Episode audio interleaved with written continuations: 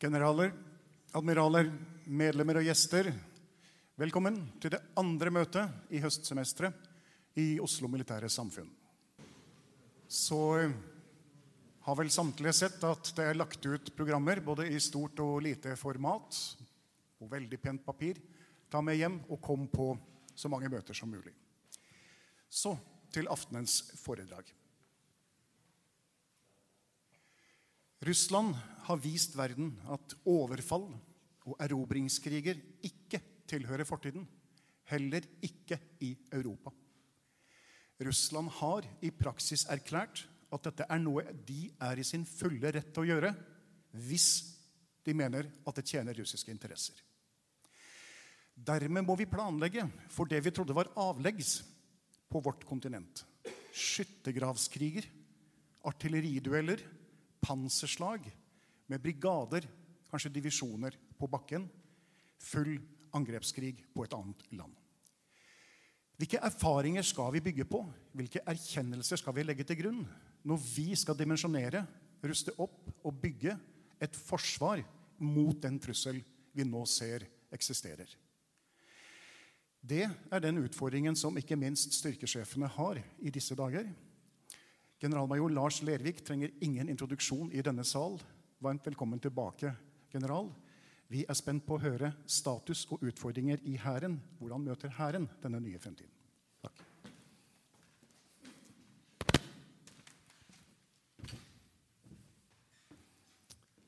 Tusen hjertelig takk, og god kveld til eh, alle sammen. Takk for muligheten til å være med dere i Oslo Militære Samfunn, også til de som følger med på stream. I august i år markerte vi at eh, Brigade Nord fylte 70 år. Om fire år så fyller Hæren 400 år. Hæren har kontinuerlig utvikla seg gjennom disse snart 400 åra. I dag så har vi grensevakta i Kirkenes. Vi har Finnmark landforsvar med hovedbase på Porsangmoen. Vi har Brigade Nord i Indre Troms og på Rena, men også styrker i Irak eh, og i Litauen. Vi har militærpoliti, trenerregimentet, etterretningsbataljon og Hærens våpenskole. Og her i Oslo så har vi Hans Majestet Kongens Garde. Hver av de militære avdelingene er et resultat av målretta satsing over tid men også en konsekvens av endra militære og strategiske forutsetninger. Sikkerhetspolitiske kriser er historisk sett en driver for tempo og utvikling av militærmakt. Starten på kalde krigen, og kanskje spesielt Koreakrigen, var viktige årsaker til at Brigade Nord ble oppretta for 70 år siden.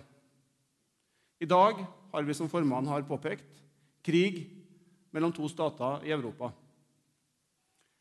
I kveld skal jeg snakke om hva vi observerer fra krigen i Ukraina, og de øvrige store endringene i vårt sikkerhetspolitiske landskap, kanskje spesielt finsk og svensk Nato-medlemskap. Hva vil det bety for hvordan vi utdanner våre soldater og avdelinger? Hvordan vi samvirker internt i Hæren, i Forsvaret, totalforsvaret og med våre allierte? Og hva vil det si for utviklinga av hæren vi har, og den hæren vi trenger? Vi lever etter min mening i historiske tider. Jeg veit at det ikke bare er meg her i kveld som ser nødvendigheten av at hæren skal vokse. Frihet og demokrati er ikke gratis. Ukraina erfarer det hver dag. Det koster blod, svette og tårer å forsvare egen frihet. Og Det er viktig for meg også her å si at Ukraina har vår fulle støtte, og vi vil fortsette å støtte dem så lenge det trengs. Hva er det så vi ser i Ukraina? Krigen i Ukraina har pågått i 18 måneder, og vi har alle sett de massive ødeleggelsene og lidelsene som krigen har ført til. Byer har blitt rasert, vann mat, strømforsyning ødelagt, og folk er drevet på flukt. Det russiske angrepet mot Ukraina har vist oss at vi fortsatt kan være villige til å bruke militærmakt mot andre stater for å oppnå sitt mål. Det være seg å tvinge, underkue eller erobre. Hæren følger krigen nøye, og vi skal bruke erfaringene og observasjonene fra krigen til å utvikle oss. Da jeg sto her for ett år siden, fortalte om de observasjonene Hæren hadde identifisert i løpet av de første sju månedene av krigen. Jeg snakka bl.a. om erfaringer knytta til beredskap, brigadestruktur og oppdragsbasert ledelse. De observasjonene står fortsatt. I tillegg har vi gjort en andre observasjoner på enkeltmannsnivå, innenfor spesielle fagområder og på avdelingsnivå. Presisjonsskyting på lange hold er fremdeles viktig. Kompetanse innenfor førstehjelp berger liv. Og vi ser at spredning, kamuflasje og mobilitet er blitt enda viktigere enn mange hadde trodd tidligere. Mange av de observasjonene vi gjør, bekrefter at det Hæren allerede gjør, er riktig. Samtidig så ser vi også behov på å vektlegge noe av det vi observerer, i større grad enn tidligere. Andre forhold, som f.eks. bruk av egne droner og beskyttelse mot fiendtlige droner, er områder hvor vi må akselerere egen utvikling i Hæren og i Forsvaret for øvrig i særlig grad. Vi fortsetter å analysere en rekke observasjoner som kan brukes i vår egen utdanning og utvikling. Samtidig så ser vi også at det er en strekk med egne erfaringer fra andre konflikter og kriger. Det vi ser i Ukraina, bekrefter etter min mening at krigens natur ligger fast, sjøl om krigens karakter skifter fortløpende. Situasjonen vi i dag ser i Ukraina, er et resultat av, krigen, at, av at krigen de siste tolv månedene i hovedsak har blitt utkjempa langs mer eller mindre statiske frontlinjer. Russerne har brukt de siste tolv månedene på å forsterke forsvaret sitt. De har bygd bunkere, gravd skyttergraver og stridsvognsgrøfter. De har lagt store minefelt langs hele den 1200 km lange fronten. De russiske ingeniørene har vist seg å være dyktige, og det forberedte russiske forsvaret utgjør en formidabel utfordring for ukrainerne. Ukrainerne på sin side har brukt tida til å mobilisere, utdanne og utruste tolv nye brigader. Samtidig har de fått mer støtte fra Vesten, bl.a. i form av avdelingstrening, nytt materiell som vestlige stridsvogner og mer ammunisjon. Den andre ukrainske offensiven starta i begynnelsen av juni. Og Ifølge Rusi så har de hittil rykka frem om lag 150-350 meter daglig. Russerne har lært. De har lært at hvis minefeltene er 500 meter dype, så kan ikke ukrainerne åpne dem ved hjelp av eksplosive ryddesystem. De ukrainske, eh, de ukrainske, soldatene må derfor rydde miner og improviserte eksplosiver for hånd i mørket og håpe at de ikke blir oppdaga av russiske droner eller feltvakt.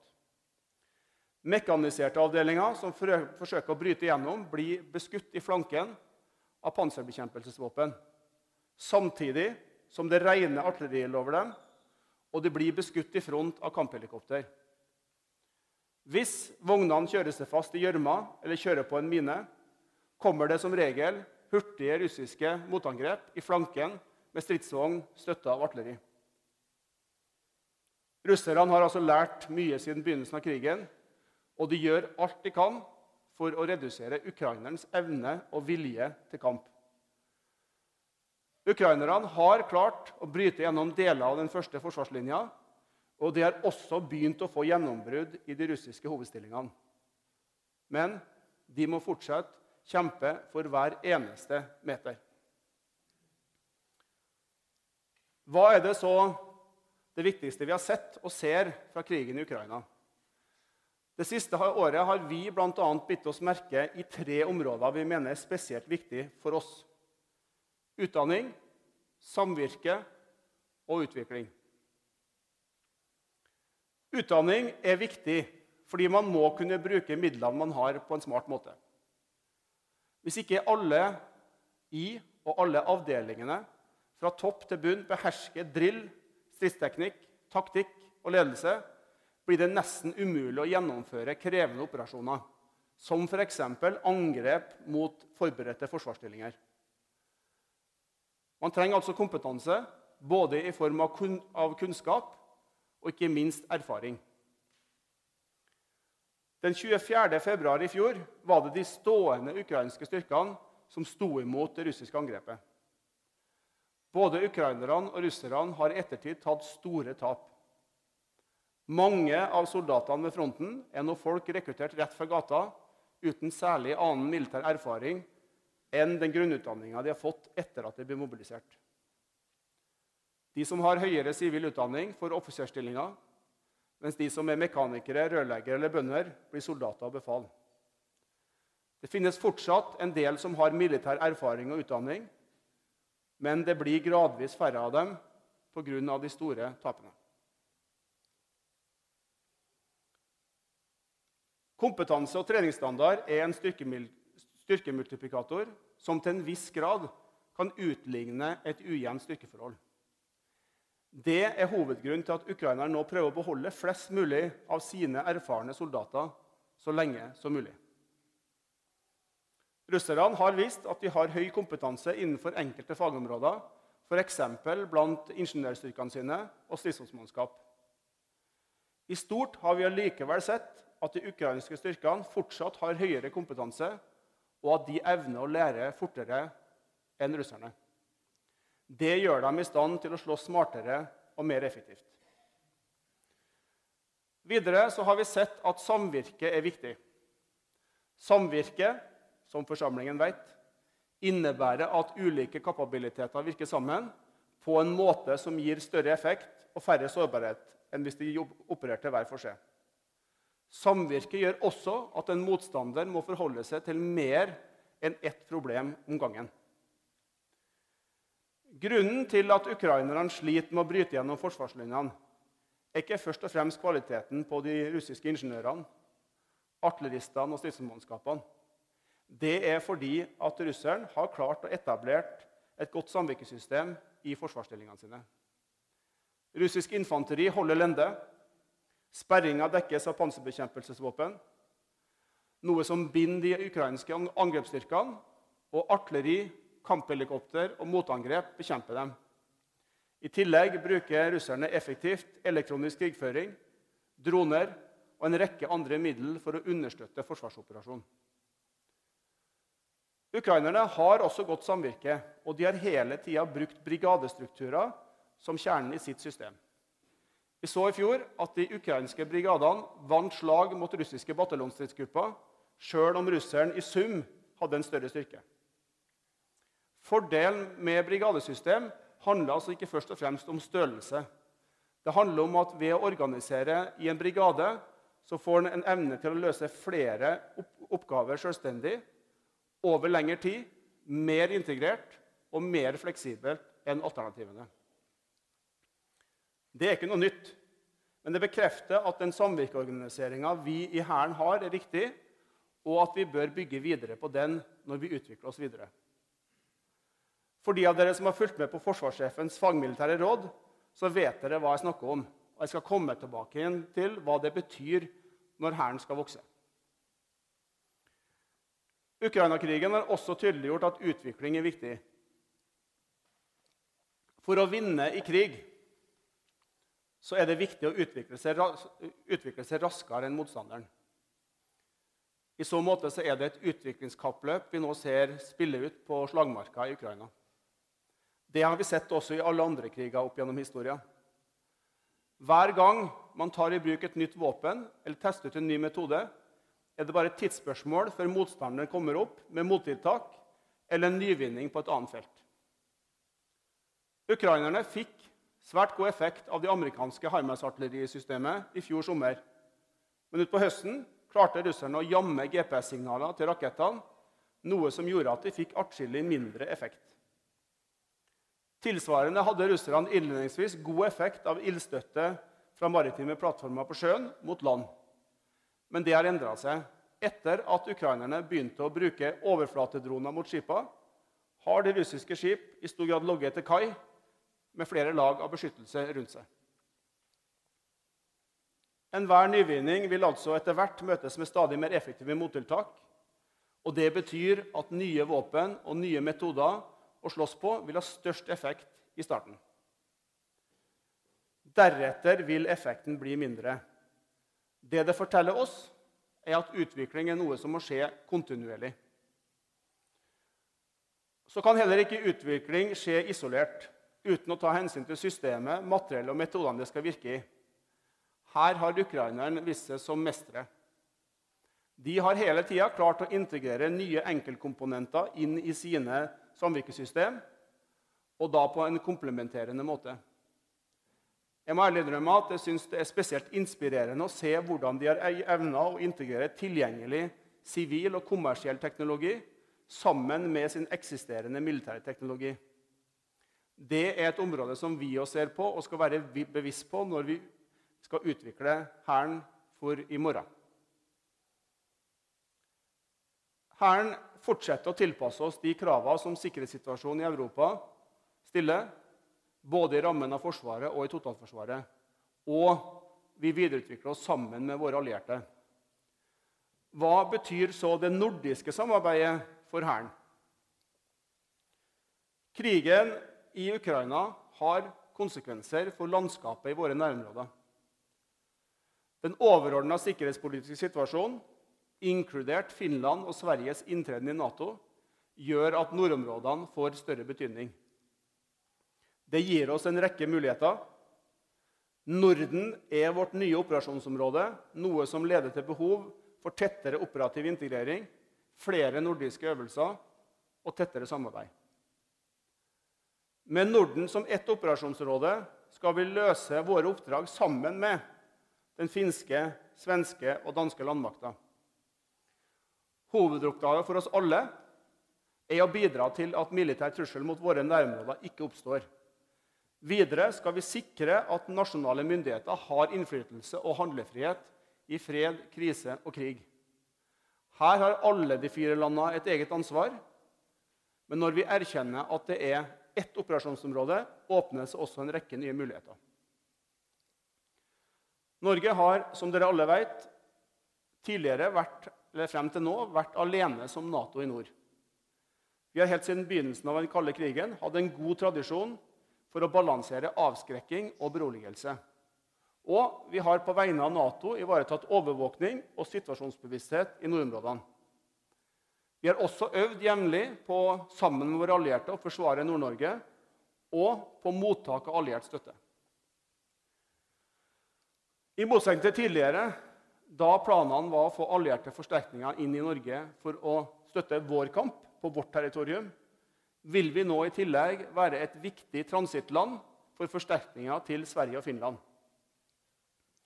Norden som ett operasjonsområde stiller dermed økte krav til vår egen evne til mottak og vertslandsstøtte.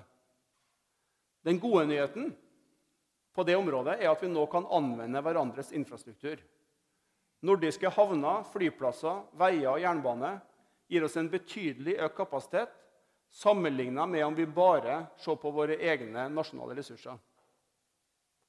Det er dog fortsatt viktig at vi satser på militær infrastruktur. Et eksempel i så måte er den norske satsinga på infrastruktur for alliert trening, øving og tilstedeværelse i nord. Hæren har, sammen med Forsvarsbygg, i løpet av få år og med egentlig ganske så begrensa ressursinnsats etablert kosteffektive fasiliteter mer, hvor mer enn 5000 allierte soldater kan bo, trene og øve i Troms. Det styrker norsk sikkerhet, det styrker nordisk sikkerhet hver dag hele året. Og det skal vi fortsette med. Utdanning er et annet område hvor de fire nordiske landene har lange tradisjoner for å samarbeide tett, og vi har klare ambisjoner om å utvide det i tida fremover. Et eksempel er at det nå er danske og svenske elever på Hærens lagførerskole på Rena. Og som takk for det så har vi fått tilgang til flere nye ulike kursplasser hos våre nordiske kollegaer.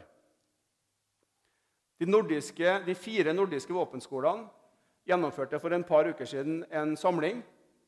Det er Den første samlinga noensinne faktisk, hvor alle fire var sammen.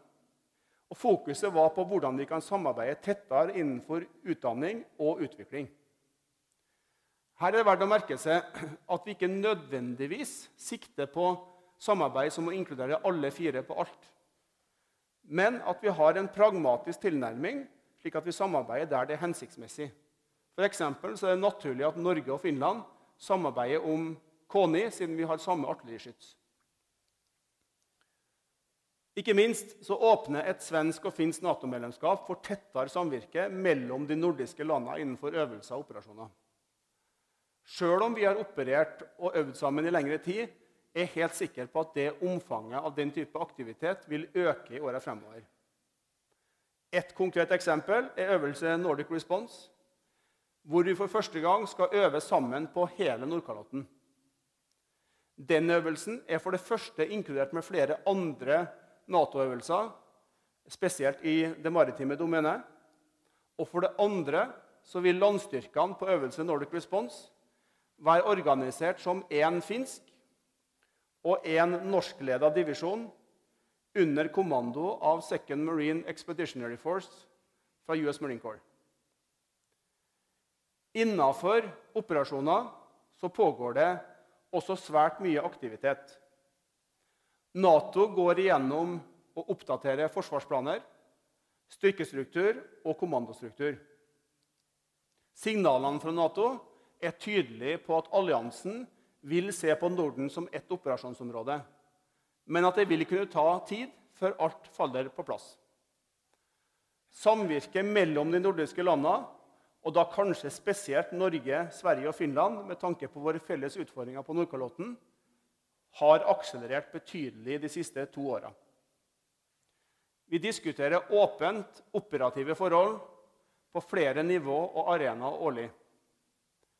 Det siste eksempelet er at eh, undertegnede og representanter fra Hæren, sammen med svensk hærledelse og representanter fra Natos landkommando, deltok på den finske hærens krigsspill for to uker siden. Konklusjonene fra det krigsspillet skal jeg åpenbart ikke fortelle om her. Men det er noen slutninger som jeg gjerne vil dele. For det første den åpenheten som den finske hæren viser der, viser stor grad av tillit til oss som allierte. For det andre så kom det tydelig frem at når Nordkalotten blir ett operasjonsområde, så må vi finne fleksible og gode løsninger for kommando og kontroll på tvers av nasjonene. Og for det tredje et større operasjonsområde uten nødvendigvis økt tilgang til landstyrker øker behovet for mobile brigader som kan operere tett sammen med moderne luftstridskrefter. For de av dere som finner dette eh, interessant, så kan dere se på streaming fra årets Army Summit på forsvaret.no. Det finner sted 18.10. Der vil også de, finske, de nordiske hærsjefene dele sine perspektiv. Da fikk jeg sneke inn litt egenreklame her, og det må benytte anledningen. Det er ingen overraskelse for noen av oss at Sverige og Finlands inntreden i Nato gir mange muligheter til å gjøre oss bedre, oss alle egentlig, bedre i stand til å løse vårt oppdrag. Hærens tilnærming til det arbeidet har vært og skal også være i, fort, skal også være i fortsettelsen. Her skal jeg bruke et sitat fra min finske kollega generalløytnant eh, Pasi Valamäki. Talk less, do more. Hva er det da Hæren gjør for å tilpasse seg de ovennevnte forholdene i dag og på lengre sikt. Hæren står overfor flere store utfordringer. Og Noen av de aktualiseres tydeligere av det vi ser i Ukraina og den sikkerhetspolitiske situasjonen for øvrig. Innenfor utdanningsfeltet er utfordringene, eller for å være mer presis, problemet at vi har for få med riktig og tilstrekkelig kompetanse, og at vi har for mange som slutter tidlig. For at Hæren skal være relevant både i dag og i morgen, så må vi gjøre noe med det. Og jeg skal nå redegjøre for noen av de grepene som vi i Hæren tar. Vi moderniserer utdanningssystemet vårt både for førstegangstjenestegjørende, befal og offiserer. Hæren fokuserer der vi har ansvaret. Vi har akkurat gitt ut nytt program for rekruttutdanning for Forsvaret, som fokuserer på å gi alle som avkjenner førstegangstjenesten, de viktigste ferdighetene og holdningene som kreves for å kunne forsvare landet. Vi har fra nå i sommer endra Hærens lagførerskole betydelig. Lengden på utdanninga mer enn dobles til ett år. Det settes av mer tid til både dannelse og fagutdanning. Og vi øker antallet elever på skolen betydelig. Vi prioriterer altså de som skal lede fremst. Vi er også i gang med å se på hvordan vi skal organisere utdanninga for våre befal og offiserer etter den grunnleggende utdanninga de mottar på lagførerskole, befalsskole og krigsskole. Målet er å sikre at våre folk kontinuerlig får tilført relevant kompetanse. Og jeg tror også at det samtidig vil bidra til at folk velger å bli i Hæren og Forsvaret. Vi vil også søke å akkreditere mest mulig av den utdanninga, det være seg mot fagbrev eller mot mer akademiske grader. I tillegg til kunnskap så trenger vi mer erfaring. Vi er i gang med en helhetlig gjennomgang av hvordan vi trener og øver. Spørsmålet som jeg har stilt internt i Hæren, er om vi øver riktig. Hva betyr nye faktorer som at vi har etablert Finnmark landforsvar? Hva betyr det betydelig økte omfanget av allierte som trener og øver, spesielt i nord? Hvordan skal vi integrere simulatorer og tekniske hjelpemidler? Hvordan skal vi samtidig gi våre soldater og avdelinger trening i å håndtere det slitet som fortsatt følger med landoperasjoner? Svarene på de spørsmålene er ikke klare, men jeg kommer gjerne tilbake igjen til OMS ved en senere anledning for å dele noen av våre funn, og også hva vi har tenkt å gjøre med det. Vi satser altså på utdanning og kompetanse for å være klar til strid i dag og i morgen. Men også fordi vi tror at det er helt avgjørende for at vi skal både rekruttere og ikke minst beholde folka. Samvirket er en av de absolutte styrkene til den norske hæren. Samvirket er noe vi gjør, det er noe vi er, og det er noe vi lærer.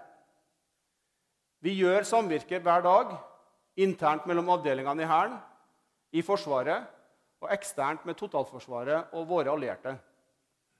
Et eksempel er den nylig avslutta øvelse Hovedstad her i Oslo, hvor Hans Majestet Kongens Garde samvirka tett med heimevern, politi og andre viktige totalforsvarsaktører. Denne typen øvelse gjør oss bedre i stand til å håndtere kriser når når, håndtere krisa når den kommer, fordi vi utvikler felles situasjonsforståelse, og fordi vi lærer oss hvordan vi best kan anvende våre begrensa ressurser sammen. Samvirke med nære allierte er selvsagt også et fokusområde. Et eksempel på det er hvordan Hæren, sammen med Luftforsvaret og andre aktører for Forsvaret, har trent på å lede amerikanske strategiske kapasiteter, også kjent som bombefly, i rammen av Bomber Task Force-trening. Et annet eksempel er den tidligere nevnte øvelsen Nordic Response, som finner sted neste år, og årets Joint Viking. Den type aktivitet sikrer eller bidrar til teknisk og prosedyremessig interoperabilitet. Men etter min mening så er det viktigste at den type aktivitet bygger tillit mellom offiserer, befal og soldater. Den tilliten vi bygger der på alle nivå, er gull verdt når det blir vanskelig. Og vanskelig kommer det til å bli før eller seinere. Jeg sa tidligere at samvirke er en av våre styrker. Men det betyr ikke at det ikke er utfordringer relatert med det. Noen av de adresserer vi gjennom økt fokus på utdanning og kompetanse. Andre er av mer teknisk karakter. Arbeidet som pågår med å modernisere og digitalisere Hærens sambandsinfrastruktur, er et godt eksempel på det. Utvikling av nytt og moderne samband um, For å adressere manglende tempo i utviklinga, bl.a. innenfor samband, så har vi iverksatt noen konkrete tiltak. Morgendagens kampenhet, som etableres ved Hærens våpenskole og Brigade Nord, samt testing av ubemanna kjøretøy i etterretningsbataljon, er to eks konkrete eksempler på det. Der kobler vi sammen de beste operative soldatene vi har, med de beste hodene fra Forsvarets forskningsinstitutt og slipper industri helt inn. Målet er at vi da sammen skal raskere kunne teste ut ny teknologi og relevansen av det, og ikke minst se på hvordan vi best kan utnytte ny teknologi sammen med de eksisterende systemene vi har. Og Da er målet å kunne raskere gå til anskaffelse der det er hensiktsmessig, eller for så vidt raskere av, avslutte arbeid med områder hvor vi ser at det ikke gir den effekten vi vil ha. Men utvikling handler jo ikke bare om teknologi. Krigen i Ukraina har vist oss tydelig betydningen av volum og evne til å regenerere kampkraft. Forsvarssjefen i sitt fagmilitære råd fra tidligere i år var tydelig på akkurat det. Helt konkret så anbefalte han en betydelig styrking av flere svært viktige områder for Forsvaret og Hæren, som vi stiller med 100% bak. Styrking av områder som luftvern, langtrekkende ild og økt bruk av ubemanna system er allerede godt omtalt i, i det offentlige ordskiftet.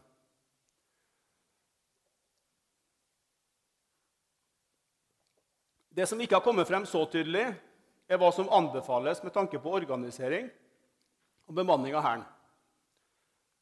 Forsvarssjefens anbefaling kan veldig kort oppsummeres i formen 1-3-3-1. Én ledelse basert på dagens hærstab, kanskje med navnet Herrens overkommando.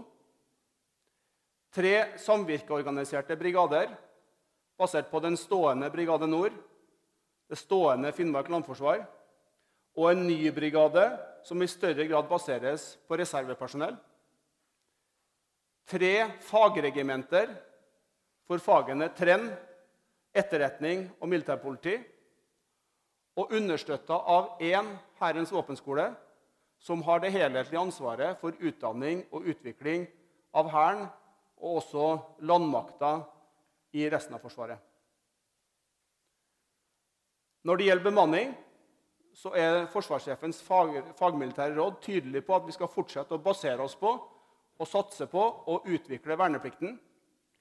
Vi skal øke antall ansatte i Hæren og ikke minst også ha en betydelig økning i reservepersonell og reserveavdelinger, som f.eks. den tredje brigaden. Det vil kreve av oss i Hæren en evne til å trene og øve, i, uh, trene og øve reserver i et omfang som ikke vi har gjort siden den kalde krigen. Vi ser også, basert på det vi ser i Ukraina, at vi må ha evne til å trene og sette opp avdelinger underveis i en krise eller krig. Det er en av de oppgavene vi ser på hvordan vi skal løse når vi nå ser på videreutviklinga av Hærens våpenskole.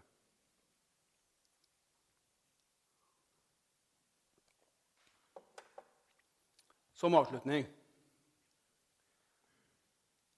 Brigade Nord ble etablert som en konkret respons på en tilpassa sikkerhetssituasjon 70 år seinere er den fortsatt relevant og på vei til å bli en av de mest moderne brigadene i Europa. På samme måte så har hele Hæren kontinuerlig endra seg i snart 400 år. Det er, har først og er først og fremst mulig pga. svært dyktige soldater og siviltansatte som står på dag ut og dag inn, uke etter uke, for at vi sammen skal nå de måla vi setter oss. I 1905 hadde Norge en av Europas mest moderne hærer og mariner. De betydelige investeringene som hadde blitt gjort i materiell, organisering og utdanning, var svært viktige faktorer når Norge fikk sin uavhengighet. Militær styrke ga altså norske myndigheter innflytelse og handlefrihet. Militær styrke ga det norske og sikra det norske folkets frihet. Det tror jeg fortsatt er gyldig. Derfor har jeg i kveld snakka om utdanning, samvirke og utvikling. Utdanning som helt avgjørende fordi vi aldri vil være flest. Og Derfor så må den enkelte av oss være best. Samvirke fordi at vi aldri skal løse våre oppdrag alene.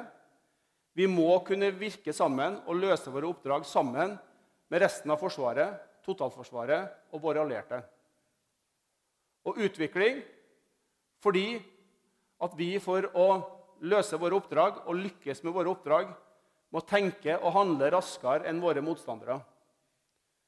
Da blir hindringer til muligheter.